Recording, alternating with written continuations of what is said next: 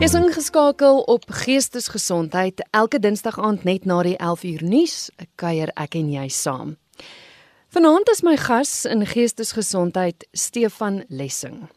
Nou Stefan gesels vanaand met my oor sy opstaan. Hy het 'n wonderlike storie van veerkragtigheid. Die lewe het hom 'n hele paar taai klappe gegee, maar vanaand vertel hy sy storie van hoop. Stefan, baie welkom op Geestesgesondheid. Baie dankie Christel, dis heerlik om hier te wees. Soos alle stories begin mens by die begin. Jy het 'n ongelooflike gelukkige kinderlewe gehad. Ek dink ek het gelees jy is een van 9 kinders. ja, van een pa en een ma en ek spot altyd ons het 'n TV gehad. maar ja, ek was die tweede oudste uh kind en die oudste seun van 9 kinders. Ehm um, so uh, ja, dit is inderdaad so. Jou pa was onderwyser, jou ma tuiste skepper, sy het wel met 9 kinders moes iemand die huishouding in die gang hou. Maar ehm um, ja, is dit hoekom jy onderwyser geword het want want jy het toe onderwys gaan swat? Weet jy jong ek ek wens ek kon eerlik genoeg wees om te sê uh, of ek kon goed genoeg jok om te sê ja dis wat ek wou doen is waaroor ek gedroom het maar in daai jare uh, het ek gaan studeer om te studeer en dis alwaarvoor ek 'n beurs kon kry. Ehm um, en toe het ek op die pik gaan onderwys stuur, studeer met 'n onderwysbeurs. Ek's nou nuuskierig, wat sou jy wou gaan studeer het? Vandag, as jy my vandag vra, sou ek definitief iewers ehm um, uh in in die sielkunde wou ingaan en en in menslike gedrag ingaan. Ehm um, dit is 'n onderwerp wat my ongelooflik interesseer. Maar die lewe het toe nou so uitgewerk dat ek wel in 'n vorm van dit vandag werk maar ja, dis wat ek sou gaan studeer het en baie baie vroeër in my lewe daarbey uitgekom het sou ek sou ek raai. Nou as student het jy jou vrou wat nou jou eksvrou is ontmoet. Hoe het julle ontmoet? Man, ons het 'n wonderlike groep studente vriende gehad wat ehm um, wat nie net net saam op universiteit gekuier het nie, maar ons het ook saam vakansie gehou. En dan deel van wat ons gedoen het was om uitreike te hou en soort van stranddienste te hou en dan sou ons as studente saam gaan vakansie hou en dan het ons soms dit ehm um, saam met ander universiteite ook gedoen. En uh die 1 Desember in 1986 het ons saam met Koffsies uh aan die aan die Natalse kus 'n toer gehad en sy het toe saam met hierdie groep studente um, op die toer gegaan en ons het toe op die toer by die see ontmoet. Julle was vir 12 jaar getroud gewees en toe skei julle. Wat het gebeur? Weet jy, ehm um, die die 12 jaar was vir my ehm um, goeie 12 jaar en en ek was onder die indruk dat dit ehm um, vir vir my vrou ook so was. Ehm um, maar daar was 'n onderwerp in ons verhouding wat eintlik half bly opkom het en dit was half 'n suspisie van haar dat ek in um, in 'n ander verhouding betrokke was. Ehm um, en toe in die 12de jaar van ons huwelik, dit sou dit sou al 'n herhalende argument word waar ek dan nou weer en weer van moet sê maar daar bestaan nie so iets nie, dit is nie so nie. En toe uh, in die 12de jaar het ons een nag het ons so 'n argument gehad en toe het dit uitgekom dat sy met 'n vriend van my wel 8 jaar van tevore um, in 'n buiteegtelike verhouding was. Ek weet nie of mense dit 'n verhouding kan noem nie, maar dat daar toe nou ontrou was.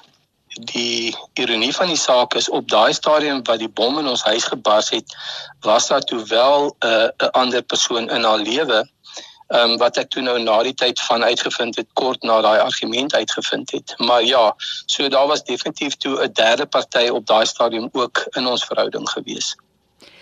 Stefan, nou as jy terugkyk, ek, ek weet jy sê dis nou 'n argument wat elke nou en dan opgekom het, maar jy was onder die indruk dat jy gelukkig getroud is. Maar nou as jy ja. terugkyk, is daar sekere rooi ligte, dinge wat jy moes laat besef het, ja, okay, maar sy sy is in 'n verhouding met iemand anders. Weet jy, ek dink ek dink die rooi lig, die eerste rooi lig, ehm um, gaan nie oor dit nie. Ehm um, die eerste rooi lig vir my en die groot les vir my is sy het redelik vroeg in ons huwelik al aangedui dat dat daar sekere elemente is van ons huwelik wat sy sy wil graag ons moet iemand gaan sien. Sy het hulp nodig en dit was vir my soos in maar op aarde wat ons ons sorteer die goeders onsself uit. Ehm um, ek dink is half soort van 'n selfregverdiging of dat 'n mens half 'n oormaat van van vertroue in jou in jou eie vermoë en kommunikasie hê en dat jy blind is vir die vir die ander persoon se se seer uh, ek wil weet nie of ek dit seer of ongemak of bekommernis moet noem nie. So in in ek het ek het werklik waar in my lewe geleer en dit is iets waarop ek baie bedag vandag is om nie um om nie enige hulproep of enige bekommernis wat wat uitgespreek word deur my huweliksmaat of iemand in my lewe wat aandui dat daar iets is wat wat pla, wat nie reg is nie, ligtelik op te neem nie. En dat ons almal die hulp van mense buite nodig het wat meer objektief is as ons, wat nie subjektief in ons situasie wees nie. Ek weet daar was baie spanning tussen haar en my familie dit was soort van twee wêrelde wat geskuur het. En hoewel ons in ons huis volgens my gelukkig was en ons huwelik gesond was, was daar duidelik dinge wat vir haar nie gewerk het nie. En dat ek nie noodwendig 'n oor gehad het om dit te hoor en 'n oog gehad het om dit te sien nie. So ek was totaal en al blind vir die feit dat daar iemand anders was. Ek was eintlik half so 'n bietjie arrogant ook daaroor in die sin van dat as dat ek ooit moet uitvind dat daar iemand anders in ons huwelik is, dan gaan sy maar net haar goedjies vat en moet gaan. En en jy weet, ehm um, dis nog 'n ander les wat ek geleer het want toe die bom in ons huis gebars het, toe is dit nie so eenvoudig nie. Toe besef ek in die eerste plek hier's drie pragtige kinders in hierdie huis en dit is 'n dit is 'n verhouding, dis iemand vir wie ek bitter baie lief is. En toe is dit nie so maklik van vat jou goedjies en vat en gaan nie. So daar's definitief ehm um, goed wat ek geleer het as ek terugkyk wat deel is van my lewe vandag wat ek vir mense wil sê. Ons het dikwels nodig dat iemand anders wat meer objektief is in ons situasies wel vir ons help. Ehm um, en daar's niks fout daarmee nie. Ek wonder altyd uh, ek dink dit is so anders as mens in 'n huwelik staan en beide partye besluit goed, ons paie gaan nou skei. Maar jy het nou gesê die besef wat jy gehad het, jy is ongelooflik lief vir haar. Dis dis seker moeilik as die een party met skok uitvind die ander party is ontrou. Jy kan tog nie net skielik eensklaps vir iemand ophou lief wees nie, né? Dit was 'n ongelooflike moeilike stukkie pad wat ek moes stap want ehm um, jy weet eh, my hele lewe het ek geleer as jy iets begin dan maak jy dit klaar. My my studies ehm um, enige iets wat my ouers gedoen het, jy het net geweet as jy iets begin het dan maak jy dit klaar. En jy het 'n belofte gemaak en as jy nou nog 'n 'n sekere geloofsbeskouing het en, en dat dat jy het 'n belofte gemaak en jy hou daarby en jy kom by so 'n situasie dan dan is dit dan is dit bitter moeilik. Maar om om dit wat jy vir iemand voel net af te sny, net af te skakel is naby aan onmoontlik. So dit het 'n hele proses gevat van van hierdie ehm um, hierdie ek wil ek weet nie of ek dit 'n uh, gevoel moet noem of 'n besluit moet noem om terug te gaan op hierdie besluit en besluit te neem om op te hou. En ek ek dink die egskeidingsproses ehm um, het my gehelp in die sin om eintlik op die einde van die dag 'n ander sy te sien van van hierdie persoon en hierdie situasie om my te help om te sê maar luister dit is nou tyd om te laat gaan want jy is besig om om iets saam met jou te sleep wat net vir jou nog seker gaan maak. Maar dit was 'n baie lang pad wat ek moes stap um, en en as ons later gaan praat oor die volgende fase van my lewe dan is daar 'n groot besluit wat ek moes neem en um rondom voordat ek kan aangaan in 'n volgende verhouding. Um wat wat vir my baie baie gehelp het deur daai proses. Hoe lank na die bom gebars het, het julle toe nou geskei? Kyk, ek is redelik gou na die bom gebars het, het ek uitgetrek 'n paar maande later. Maar die egskeiding het nog 'n goeie 2 jaar gesloer voordat ons mekaar gevind het met 'n uh, met 'n ooreenkoms veral rondom die kinders ehm um, en rondom die finansies en sovoorts voordat dit nou amptelik was. Maar ek het redelik gou uitgetrek en toe het dit 'n 'n 'n goeie 2 en 'n half jaar gevat voordat die egskeiding finaal gefinaliseer was. Ja, want dit is so waar dat jy sê daar's soveel dinge wat in ag geneem moet word en ek dink dikwels probeer mense weer ter wille van die kinders Hoe oud was die kinders toe julle geskei is? Ja, so ons jongste was ehm um, net sy was 2 2 en 'n half jaar oud. So sy was bitter klein wat ook 'n groot rol gespeel het oor die besluit wat ons toe geneem het uh, met ons egskeiding. My oudste seun was toe ehm um, 9 jaar oud skat ek, min of meer 9 net 9 ja, 9 jaar, 9 10 jaar oud en die middelste enetjie was so 7 jaar oud. Maar as jy my vra oor my opinie van bly ter wille van die kinders, dan uh, ek sê altyd vir mense jy moet gelukkig wees ter wille van die kinders. So as jy aan jou huwelik wil werk en 'n en 'n gelukkige verhouding kan skep ter wille van die kinders is dit 'n eerste prys. Maar om ongelukkig te wees en by mekaar te bly ter wille van die kinders is in my opinie meestal tot nadeel van die kinders. Omdat jy by die huis 'n ongelukkige mens is, is daar soveel ander gif wat in die verhouding en in die huis inkom wat eintlik dit vir almal eintlik sleg maak. En daarom sal ek eerder sê as jy dis twee partye wat dit wat dit moet maak werk, maar jy moet 'n besluit neem om gelukkig te wees ter wille van die kinders. Anders moet jy maar liewerste dit nie doen nie. Ja, Stefan, dis dis eintlik so ironies want voor al hierdie goed gebeur het was was jou droom. Ek is nie seker of dit jou en jou vrou se droom was nie, maar julle wou graag 'n huweliksverrykingskursus of of 'n plek begin het. Is ek reg? Ja, jy sien dit ek dink dit was deel van ehm um, van die rede hoekom ek so half nie kon verstaan hoekom sy iemand wil gaan sien nie, want ons ons uh, was in ons vriendekring soort van 'n uh, 'n leierpaartjie gewees as jy wou. Ehm um, en baie van ons vriende sou na ons toe gekom het uh en kom gesels het oor kommunikasieprobleme. Ehm um, hoe hanteer hulle dit? Wat is die beste manier veral rondom die kinders ook? Jy weet, hoe maak ons met die kinders hier? Dis of asof hulle na ons opgekyk het en of ons sin ons huwelik, ons gesin werk en ons het definitief as 'n uh, um, getroude paartjie gesels daaroor dat dit lekker sou wees as daar as 'n mense plek eh, kon skep waar mense kon na toe kom en kom gesond word, kan kom leer om te praat, kan uh, mekaar weer kan kom vind. So daar was gesprekke rondom dit en dit was iets wat wat in my hart geleef het en ge, wat ek geglo het ook in haar leef hart geleef het. En toe dit uiteindelik vir ons nie uitwerk nie, was dit vir my nogal baie baie moeilik. Ek bedoel om te dink dat jy wil ander mense help, maar jy kon jouself nie help nie, was vir my nogal 'n redelike ehm um, seer gewaarwording as ek dit so kan noem. Maar hoe hoe staan mens weer op want ek kan dink dat dit nogal so knou vir vir so baie dinge in jou lewe is. Ehm um, hoe het jy hoe het jy dit hanteer? Ja, to, so in daai proses ehm um, wat weer eens 'n lang proses is, dit het my 'n goeie goeie 3 jaar gevat om wat ek nogal sou aanbeveel ook is dat 'n mens nie te vinnig enigsins groot besluite neem en te gou in volgende verhoudinge opeindig nie.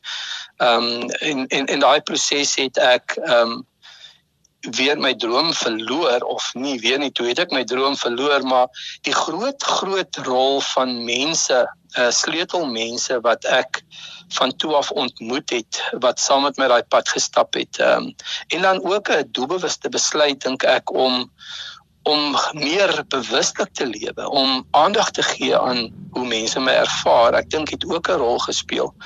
Ehm um, maar ek het ehm um, twee wonderlike vriende ontmoet wat albei boesemvriende van my geword het. Ehm um, en op verskillende op verskillende maniere my nie net help gesond word nie. Ek het deel geword van 'n groep vriende ehm um, wat 'n groot liefde vir die natuur en vir vir ehm um, adrenalien goeters uh, ontmoet. En in die week wat ek nie by my kinders was nie, het ek werklik waar in die berge en in die bosse het ek gaan gesond word ehm um, in die geselskap van goeie goeie mense, mense wat regtig omgee, maar wat op verskillende maniere geïdentifiseer het met die seer waardeur ek gewerk het. En een van my ander vriende wat 'n predikant was by 'n gemeente waar ek toe betrokke geraak het, het um, net 'n manier gehad om jou te kry om te gesels. En hy het my begin uitdaag om weer 'n droom te kry. Hy het my begin uitdaag om te sê, luister, jy het iets om te bied. Um een van my groot boesemvriende van die universiteit het eendag wat ek met hom gesit en gesels het wat jou totale menswees bevraagteken het hy vir my 'n ding gesê wat my ongelooflik baie gehelp het. Hy het vir my gesê Stefan jy is kerngesond. Moet dit nooit bevraagteken nie. Want 'n mens het 'n manier om jouself in totaliteit te bevraagteken. Is ek regtig waar die persoon wat ek gedog het ek is? En um, het ek enigstens iets om te bied En hierdie goed wat saamgewerk het, het my op 'n plek gebring waar toe hy my dan ehm um, die vriend van my toe my uitdaag om te sê maar ek wil hê ons moet 'n pa seun naweek reël. Ek wil hê ons moet ons liefde vir die natuur en die berge kombineer met ons liefde vir mense. En ek wil hê ons moet met die paas gaan gesels oor hoe bou mense gesonde verhouding met jou met jou seun. En vir my was dit nou nogal 'n interessante ding. Ek moes stoei met hierdie gedagte. Hoekom vra hy dit vir my? Kry hy my jammer of sien hy iets in my verhouding met my seun wat hy dink is iets wat wat ek kan bied? En na 'n lang ehm um, tyd van dink het ek ingestem.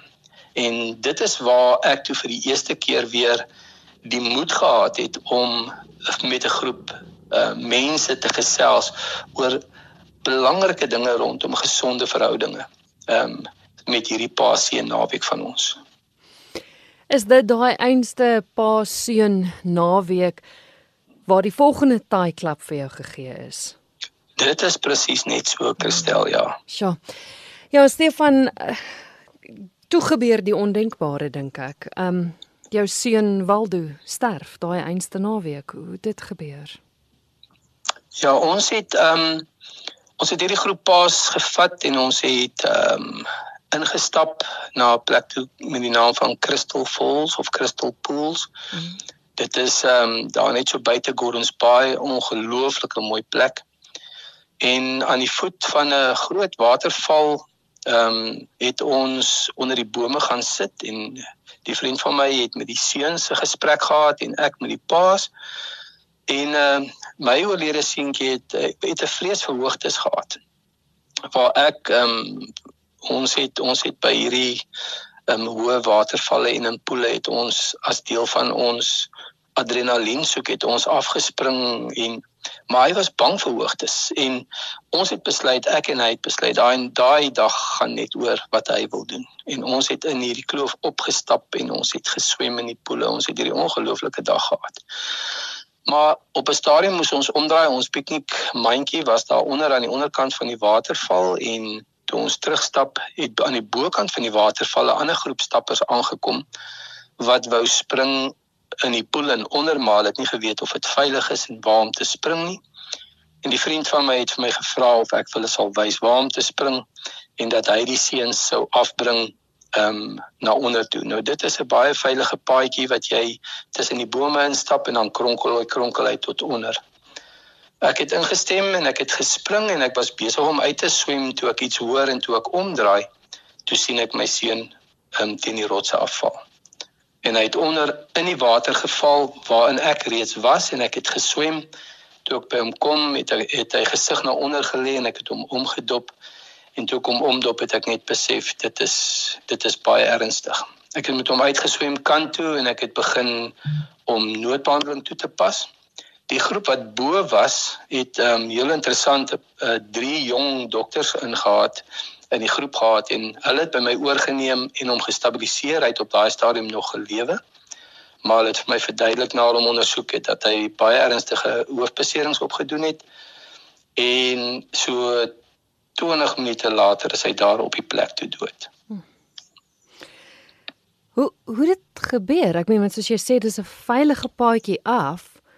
Uh, ja, dit het gekly. Ek het ek het die detail van dit het ek eers later uitgevind toe ek en dieselfde vriend van my en 'n paar ander boesemvriende of ehm um, uh van my het saam met my gestap en ons het uh ek wil amper sê geesgenote het saamgestap en bo het ons gaan staan.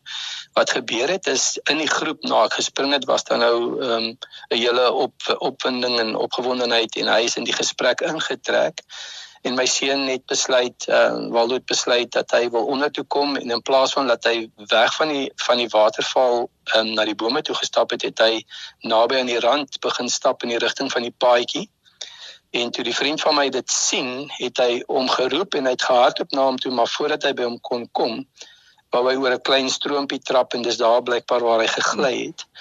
Toe hy omtrent 'n meter van hom af was en met die wat hy gegly het, het hy met die eerste impak het hy reeds sy bewussyn verloor. So dit dit was 'n dit blykbaar wat gebeur het wat ek na die tyd gehoor het, ja.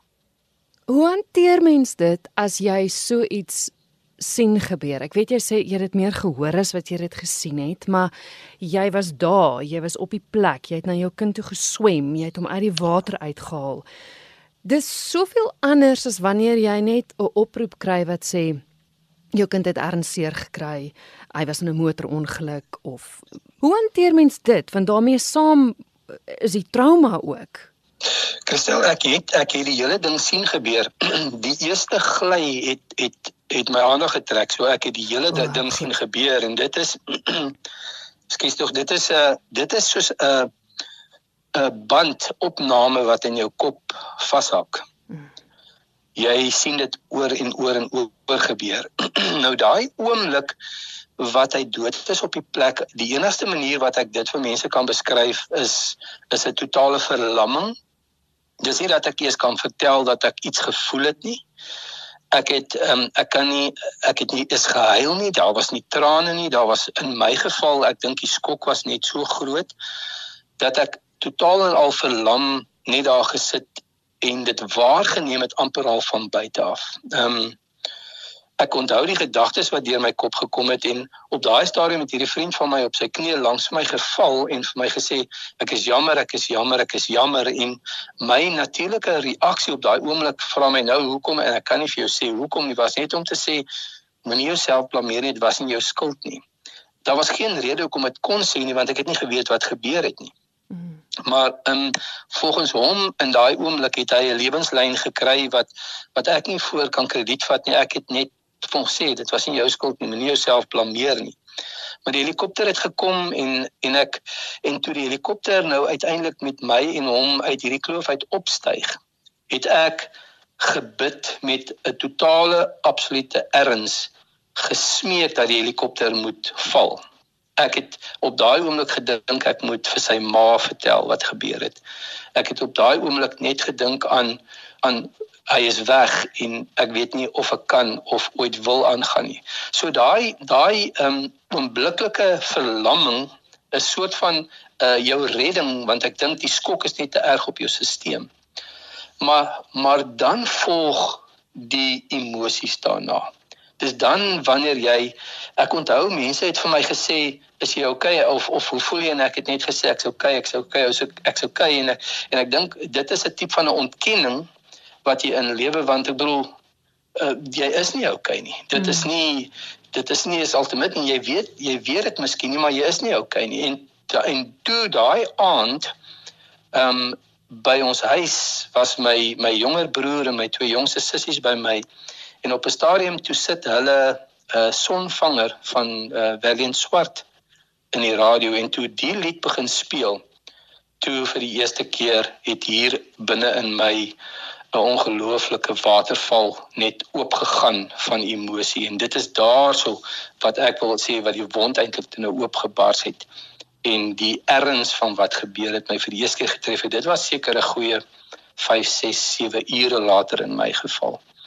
Ehm um, maar ja dit dit is hoe dit in daai oomblik gebeur het maar dit dat dit het dan die proses begin wat oor baie jare en ek dink nog steeds deel is van my van my herstel. Mense is so geneig om altyd te sê dis daai dis daai verskillende stappe waardeur jy gaan. En ek weet ek het deur al die jare wat ek die program al aanbied agtergekom nie almal kry daai verskillende rouproses stappe in dieselfde volgorde nie. Jy kry nie noodwendig almal nie. Maar as ons vinnig gou kan kyk na jou proses was jy was jy op 'n stadium ooit kwaad geweest Ja, ek dink al daai emosies wat ek nou al van gelees het en wat jy wat wat deel is van hierdie kursusse is definitief deel van my stap, my proses ook gewees. Mm. Dis net 'n vorentoe en agtertoe ding. Dis nie van ek het daai fase bereik en ek het dit afgehandel en nou is ek in die volgende fase en nou is ek in die volgende fase en ek dink dis 'n mispersepsie. Ja. Maar daai emosies het almal gekom. So ek moes op 'n stadium moes ek deel met woede. Ek moes op 'n stadium moes ek vergewe. Ek moes myself vergewe. Mm.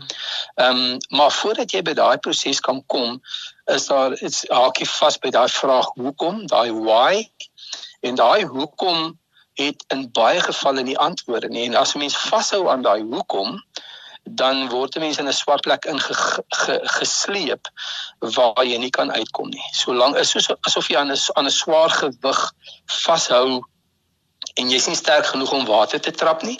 Dis wat daai vraag aan jou doen vir alles aan die antwoorde. Hoekom op daai dag? Hoekom op so 'n manier? Hoekom toe ek vir die eerste keer nou kans vat om om te waag? Hoekom en daai hoekom is half of 'n mens dit opwaarts doen en so en iemand soek vir God soek of om te kan sê maar jy het dit laat gebeur, hoekom het jy dit gebeur? En wat ek geleer het is dat die hoekom in in sulke gevalle vir jou nie help nie. Hoekom help net wanneer dit iets is rondom 'n besluit en daar is elemente van dit. In ander woorde, hoe verander ek watse ander besluite kan ek in die vervolg neem om sulke situasies half te kan voorkom. Maar maar maar rondom sy sterwe is daar nie antwoorde nie. So ek het geleer dat ek moes aanvaar. Ek het nie nodig om te aanvaar hoekom dit gebeur het nie. Maar ek het nodig om te aanvaar dat dit gebeur het. En en as ek teruggekyk het op daai stadium en vandag na my egskeiding ook, was dit ook die eerste stap van my herstel, is toe ek aanvaar sy is nie meer lief vir my nie. Sy wil nie meer hier wees nie. Ek kan haar nie maak nie. So ek aanvaar dit het gebeur. Nie noodwendig hoekom dit gebeur het nie. En die oomblik as 'n mens aanvaar dat iets gebeur het en dat 'n mens nie die wiel kan terugdraai nie, dan is daar oombliklik 'n vorm van beterskap wat jou help aangaan en ek het geleer dat daar baie mense is wat op daai vlak voort bestaan vir die res van hulle lewe. Hulle lag nooit weer vol voluit nie. Hulle is nooit weer heeltemal gelukkig nie want hulle het aanvaar dit het nou gebeur, maar dis nou dit die die die eerste stap na weer ten volle lewe en weer ten volle gelukkig is is 'n ander vraag. En daai vraag is hoe nou? Wat nou? Dit het gebeur. Wat nou? Sy is nie meer lief vir my nie. Wat nou? Hy is nie meer hier nie. Dis hoe hy gesterf het. Wat nou? En daai wat nou draai jou jou fokus na aangaan toe. En dis dan wanneer mens bietjies bietjies begin navigeer om uit dit uit te kom. En ek onthou daai oomblik was vir my um een aand terwyl ek in die bad gelê het en ek was op die einde van my eie tou waar ek 'n einde wou maak aan my lewe.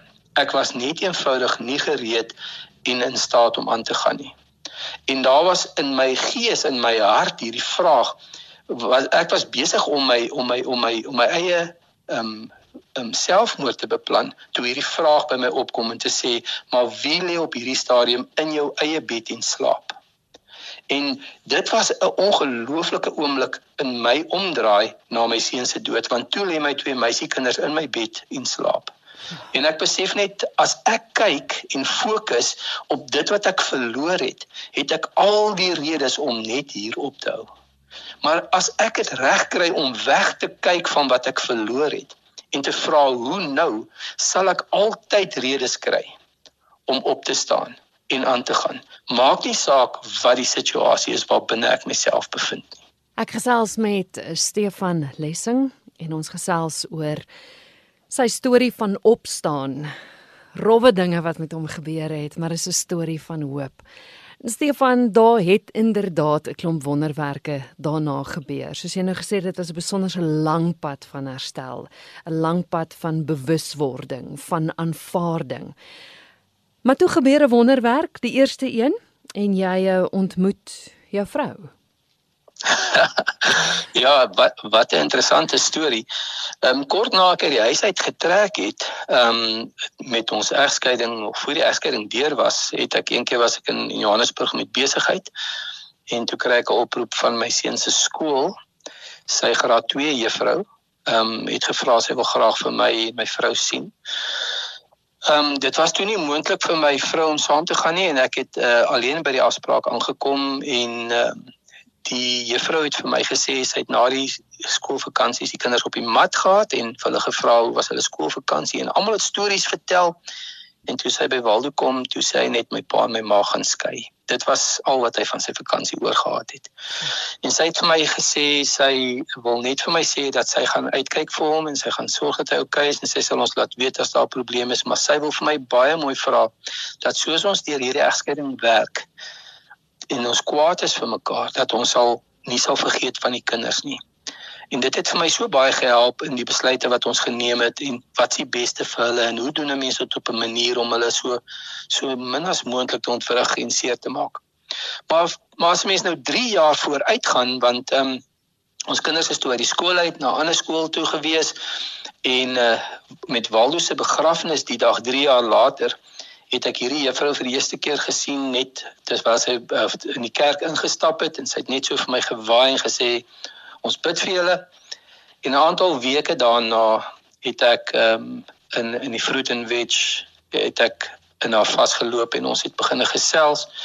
En toe sê sy vir my daai 3 jaar van tevore toe sy met my gepraat het met ons egskeiding was sy self besig met 'n egskeiding en dit is hoekom dit vir haar so getref het en hoekom dit vir haar so 'n uh, 'n moeilike situasie was. En toe het ons besluit of ek het toe besluit ek wil graag vat vir koffie wat nogal 'n hele storie was net om af vir 'n koffie te kon vat. Maar ek het uiteindelik gekry om 'n koffie saam met my te gaan drink en ek is 3 maande na daai eerste koffie is ek met haar getroud. Die die interessantheid van die storie was dat sy 'n ongelooflike verhouding met my seun gehad het waarvan ek nie eens geweet het nie. Ons het um, in bokse in haar huis het ons 'n uh, fotootjie gekry eers van haar klas waar sy langs hom staan met haar hand om haar lyf en waar hy rugby speel toe sy deel uh, besig was met 'n fotografie kursus waar sy hom afgeneem het in vol aksie met die bal. Ek het toe geleer dat as hy by sy ma was, het hy in die oggende partykeer saam met haar skool toe gery. Niks van daai goed het ek geweet nie. En uh dit was alles ontdekkings wat ons gemaak het in daai paar maande. En ek sê altyd vir mense as as ek vir hulle vertel hoe gou ek getroud is don't try this at home. Omdat dit 'n groot groot risiko is om groot besluite te neem en so vinnig daai groot besluite te neem maar 'n groot stuk genade en dankbaarheid want ehm um, werklik waar een van die beste besluite wat ek in my lewe geneem het. Ek Ek wil gaan na 'n volgende vraag, maar ek ek wil eers die prentjie nog verder inkleer. Julle jou vrou wou eintlik verskriklik graag kinders hê want sy het nie kinders van haar eie gehad uit haar eerste huwelik uit nie. Dit is nog wonderwerke wat gebeur het. Uh, vertel my gou daarvan. Ja, sy sy het ehm um, so uh, kort rukkie in ons in ons huwelik en het sy eendag die vraag gevra maar het sou ek sou ek nog kinders wou hê. Ehm um, en sy sê sy het basies uh, op daai stadium iets het my vertel sy het basies twee drome gehad. Sy wou graag gelukkig getroud gewees het en sy sou graag 'n mamma wou wees maar vir hulle kon dit nooit gebeur het nie mens. Ehm um, en hulle is uh, deur die infertiliteitsklinieke gewees hoeveel keer en dit het net nooit vir hulle kon gebeur nie. En uh, op daai stadium met ons 5 uh, jaar van tevore het ons besluit in my vorige huwelik dat ek 'n vasektomie sou ondergaan. En uh, ek sou toe nou dan uitvind dat op daai stadium is 'n mens vir alle argumente onthaal was uh, is jy steriel want en uh, so lank na 'n vasektomie. So ons het hierdie twee realiteite gehad, maar die eerste ding wat ons moes doen, ons het 'n uroloog gaan sien en hy het vir ons die, die moontlikhede verduidelik en die eerste stap was om die operasie om te keer wat 'n duur en tegniese operasie was uh, sonder enige waarborge wat ons toe laat doen het en toe die uitslae van die ehm um, van die operasie gekom het, het sy dit ehm um, met haar geskiedenis na 'n ginekoloog van baie jare toe gevat en hy het vir haar net gesê sy moet regtig waar weet dat dit gaan nie kan gebeur nie. Dit wat hy sien op papier daar sê net dat dit nie gaan gebeur nie. En ons het toe nou saam besluit om om eh, dit om net te glo en om mekaar te geniet dat ons nie weer deur daai se proses van van uh, fertiliteitsklinieke sou gaan nie. En 'n jaar later was sy eintlik basies aan die einde van haar tou en sy gesê maar sy, dit gaan nie vir ons gebeur nie. En sy was bitter hartseer want wat ek besef het na die tyd vir ons mans is dit baie maklik want jy gaan net aan met jou lewe maar 'n vrou word elke maand herinner dat dit weer nie gebeur het nie. Maar eh, 'n uh, jaar na daai operasie het sy natuurlik swanger geraak ja. En dit met 'n tweeling. Ja, dit dit dit was 'n wonderlike storie want um, ons gaan sien toe die ginekoloog al op 4 weke maar hy het vir ons prentjies geteken en gesê daar gaan geen hartklopie wees nie. Hy soek net 'n kolletjie op die regte plek. En uh toe hy uiteindelik die sonar opsit en hy kyk na die skerm, toe wys hy die kolletjie en hy sê hy kan bevestig ons is swanger. En ek sê vir hom dokter en daai kolletjie, hy sê vir my luister jy moet nou nie dan gulsig raak nie. Al wat ek vir julle kan sê is julle is swanger. En op 8 weke was daar twee hartkloppies en op 13 weke toe besef ons dis 'n seentjie en 'n dogtertjie ja. Mm. En toe gebeur daar nog 'n wonderwerk. ja, ons het so so hulle so 4 jaar oud was, 3 jaar, 4 jaar oud was toe toe ek gesê, "Maar miskien moet 'n mens maar die verantwoordelike ding doen, mense. Ek word nie jonger nie en ehm um, en dat ons dalk maar die fabriekie moet toemaak en sy het gesê, "Maar sy is nie gereed nie." Ek sê vir haar, "Maar het wag sê maar ons ons wou graag twee kindertjies gehad het. Ons het hulle op een slag gekry wat meer wil sê en sy sê ja, maar uh, sy was net een keer swanger. dit was toe nou die begin van die volgende gesprek en ons het toe nou ooreengekom kom dat ons um, dit 'n jaar of twee sal gee. En in 2009 in Desember toe het ons besluit goed, dit het nie gebeur nie. Ons begin 2010 uh, met 'n klein operasietjie en ons het daai jaar beplan wat ons wou doen.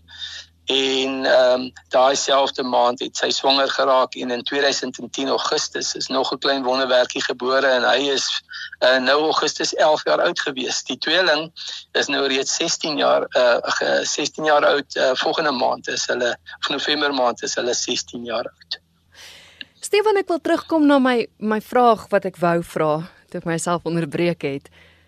Jy het soveel seer in jou lewe beleef en daarteenoor soveel goed. Soveel wonderwerke. Jy het weer 'n kans op geluk gekry. Mag mens regtig weer gelukkig wees? Kan mens regtig weer gelukkig wees? Want ek dink ons as samelewing is so maklik partykeer om te oordeel en te sê Ja, maar as jy aangaan met jou lewe dan sit dit teken dat jy vergeet het of uh jy kan hmm. nooit daarvan vergeet nie. Uh, dikwels kan mense hulle self nie vergewe nie. Mense kan nie aanvaar nie. Die hele ding rondom om weer gelukkig te mag wees. Kan wees. Kan mens? Ja. Absoluut. Ehm um, dit is dit is dis 'n absoluut maar met 'n groot kwalifikasie. Ehm um, weet jy stel dit is en, en ek het dit al ander mense dit ook al so verduidelik. Ehm um, wanneer 'n mens ehm um, kom ons sê net maar jy het 'n amputasie gehad, 'n ongeluk, het 'n been verloor. Daai wond kan heeltemal gesond word. Maar jy loop vir die res van jou lewe weet jy met selfs die beste protese loop en werk en leef jy anders. So die die gevolg van sulke dinge in ons lewens kan nie ten volle uitgevee word nie. Maar dat 'n mens ten volle gelukkig weer kan wees en moet wees is absoluut belangrik. Dit is vir my so tragies hoeveel kinders 'n ouer verloor nadat hulle 'n boetie of 'n sussie verloor het of nadat hulle hulle pa of hulle ma 'n egskeiding nie meer in die huis het nie. Bloot omdat daai persoon dit nie die die vermoë vind of die die manier vind om weer ten volle gelukkig te kan wees en ten volle te kan lag nie. Ek ek ek verstaan dat mense voel skuldig om weer te kan ten volle lag maar dit is absoluut moontlik hoewel ons vir die res van ons lewe anders lag as ek dit vir jou so kan sê. So so ek het terwyl ek alleen was na my egskeiding het ek saam met vriende 'n valskerm kursus gedoen. En een van die belangrikste lewenslesse daar geleer. Hierdie halfkranksinnige ehm um, valskermspringer wat ons die kursus aangebied het. Hy vertel vir ons as jy inkom om te land en jy het al die goed reg gedoen en jou valskerm werk, hy het oopgemaak, jy het gespring, maar jy moet kom land en jou beplanning en alles was was reg. Dan kan daar nog steeds goed gebeur soos in ons lewe wat jy nie beplan het nie, wat jou van koers afdruk, wat jou op 'n op 'n roete sit wat wat potensieel vir jou dodelik kan wees. Soos in plaas van dat jy hierdie oop landingsplek nader is die wind besig om jou in kragdrade in te druk. En die een ding wat hy daar vir ons geleer het is jy moet die oomblik as jy besef jy's op pad waar jy nie moet wees nie, moet jy fisies jou kop wegdraai van hierdie gevaar, hierdie probleem, hierdie kragdrade. Dis nie dat jy dit ignoreer nie, dis hoe jy daarmee deel. Hy sê draai jou kop en fokus al jou aandag op 'n ander veilige landingsplek, weg van die gevaar af. Want soos wat jy hang in jou harnas, reageer jou liggaam en outomaties sak die skouer aan die kant wat jy daai touwtjie moet trek en die valskerm reageer op waarop jy fokus. En en solank as wat ons gefokus is op wat ons verloor het, gefokus het op wat ons seer gemaak het, sal daai seer 'n groeiende stikkend in ons lewe bly. Maar die oomblik as ons ons oë fokus op wat nog met ons is, op waarheen ons moet gaan, op wat moet gebeur om hierdie reg te maak, reageer ons aandag en daarmee saam ons gemoed in in in ooreenstemming met hierdie oplossing, hierdie plan, hierdie besluit om vorentoe te gaan. En vandag ek kan vir jou sê dat met met die grootste eerlikheid sê dat die kere wat ek hartseer is oor Waldo, wat ek hartseer is oor daai verlies, is net so seer soos die dag toe dit gebeur het maar my fokus op my kinders vandag, op my huwelik vandag om op op men om om om mense te help met stikkend en seer is alles deel van 'n van 'n stuk satisfaksie en vreugde wat werklik waar my lewe die moeite werd maak. Dis so waar wat jy nou sê en Stefan, daai fokus waarvan jy nou praat, ek dink die grootste ding wat mense potjie is skuldgevoelens. As ons nou ja. praat ja. van die feit dat jy nie gelukkig kan wees nie want jy voel skuldig. Daai ja. fokus, as jy aanhou fokus dis op skuldgevoelens, dit is wat ook gaan maak dat jy nie kan aangaan nie. Verstaan ek reg? Absoluut. Dit is net so. So so 'n mens moet vergewe. 'n hmm. Mens dink dikwels jy vergewe vir iemand anders onthaalwe, maar daai vergifnis is ook vir self. Ek moes vergewe myself vergewe het dat ek gespring het. Ek moes myself vergewe het dat ek gegaan het dat ek hom gevat het dat ek hom nie gewaarsku het dat ek vir hom gesê het bly by hom Kobus nie. So ek kon vir die res van my lewe skuldig gevoel het daaroor. Maar net so kon ek ook vir die res van my lewe verbitterd gevoel het teenoor my vriend wat nie wat nie in daai oomblik gekyk het nie wat verantwoordelikheid gevat het So as ek fokus op daai ding dan vervul dit my nie net met seer nie, maar met bitterheid en ek vergiftig myself. Maar die oomblik as jy jou fokus draai na na 'n oplossing, na aangaan, na die feit dat ons menslik is, na die feit dat jy 'n besluit geneem het op grond van dit wat beskikbaar was op daai oomblik, dan kry jy al die redes en die gereedskap vir aanstap. Dis so 'n storie van hoop. Nou aan die begin het jy gesê dat ehm um, jy wou nie noodwendig onderwys gaan swat het nie. Jy het nog altyd hierdie verskillike passie gehad om mense te help sien sielkunde en en mense se siege te verstaan. En dis eintlik nou presies wat jy doen vandag. ja dis dis baie interessant hoe dit gebeur het. Ehm um, ek was nog altyd in opleidings en op ontwikkeling en hoewel ek nie gedink het aan onderwys studeer nie, het ek 'n ongelooflike passie gehad om om opleiding te gee, om mense toe te rus. Ehm um, veral rondom rondom die lewe en in en binne in die koöperatiewe omgewing waar ek gewerk het, was dit wat ek gedoen het. Maar na eh, na my egskeiding en na my seun se se afsterwe, het ek al hoe meer mense gekry wat my genader het om te sê hoe jy dit gedoen? Wat het gebeur? En in behalwe dat dit deel was van my van my opleiding en ontwikkeling binne die koöperatiewe omgewing waar ek leierskapontwikkeling gedoen het en persoonlike ontwikkeling gedoen het as deel van my werk, het hierdie belangstelling um, en my ervaring rondom hierdie goeters dit net so 'n uh, 'n passie vir my gemaak dat mense my begin vra het om te kom praat by plekke om by kerke en skole en in verskillende plekke te kom gesels. Instansies het my gevra. Ek het begin om sessies van hoop te hou en selfs binne in die instansie waar ek gewerk het. En so het hierdie uh saadjie binne in my beginne ontkiem en begin groei dat ek kan moontlik 'n verskil maak. Ek kan moontlik mense help. En uh dit was toe die geboorte van 'n uh, uh, maatskappy wat ons begin het en vandag staan hy bekend as True Heart Coaching en um, ons help binne in maatskappye um, en individue om goeie leierskap toe te pas en om verantwoordelikheid te vat vir jou lewe, om 'n plan te hê en die lewe te bou wat jy graag wil hê. Stefan, jy het met alles wat in jou lewe gebeur het, het jy 'n boek geskryf. Wat is die titel van die boek? Lig deur die krake. Ehm um, is die naam van die boek 'n uh, 'n uh, tannie wat my gehelp proeflees het aan die boek het opgekom met hierdie titel na sy die boek gelees het. En haar verduideliking was vir my so absoluut in die in die in die kol toe sy gesê het die lewe breek ons op verskillende maniere en ons almal sit met verskillende foute en en mislukkings. As jy lewe dan gaan jy dit iewers hê.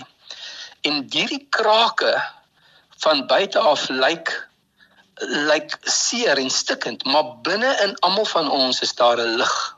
En as ons daai lig weer kan vind, dan skyn die lig deur hierdie krake van dit wat in ons lewe gebreek het en seer is in ons verlede en dit is vergeef vir ander mense lig.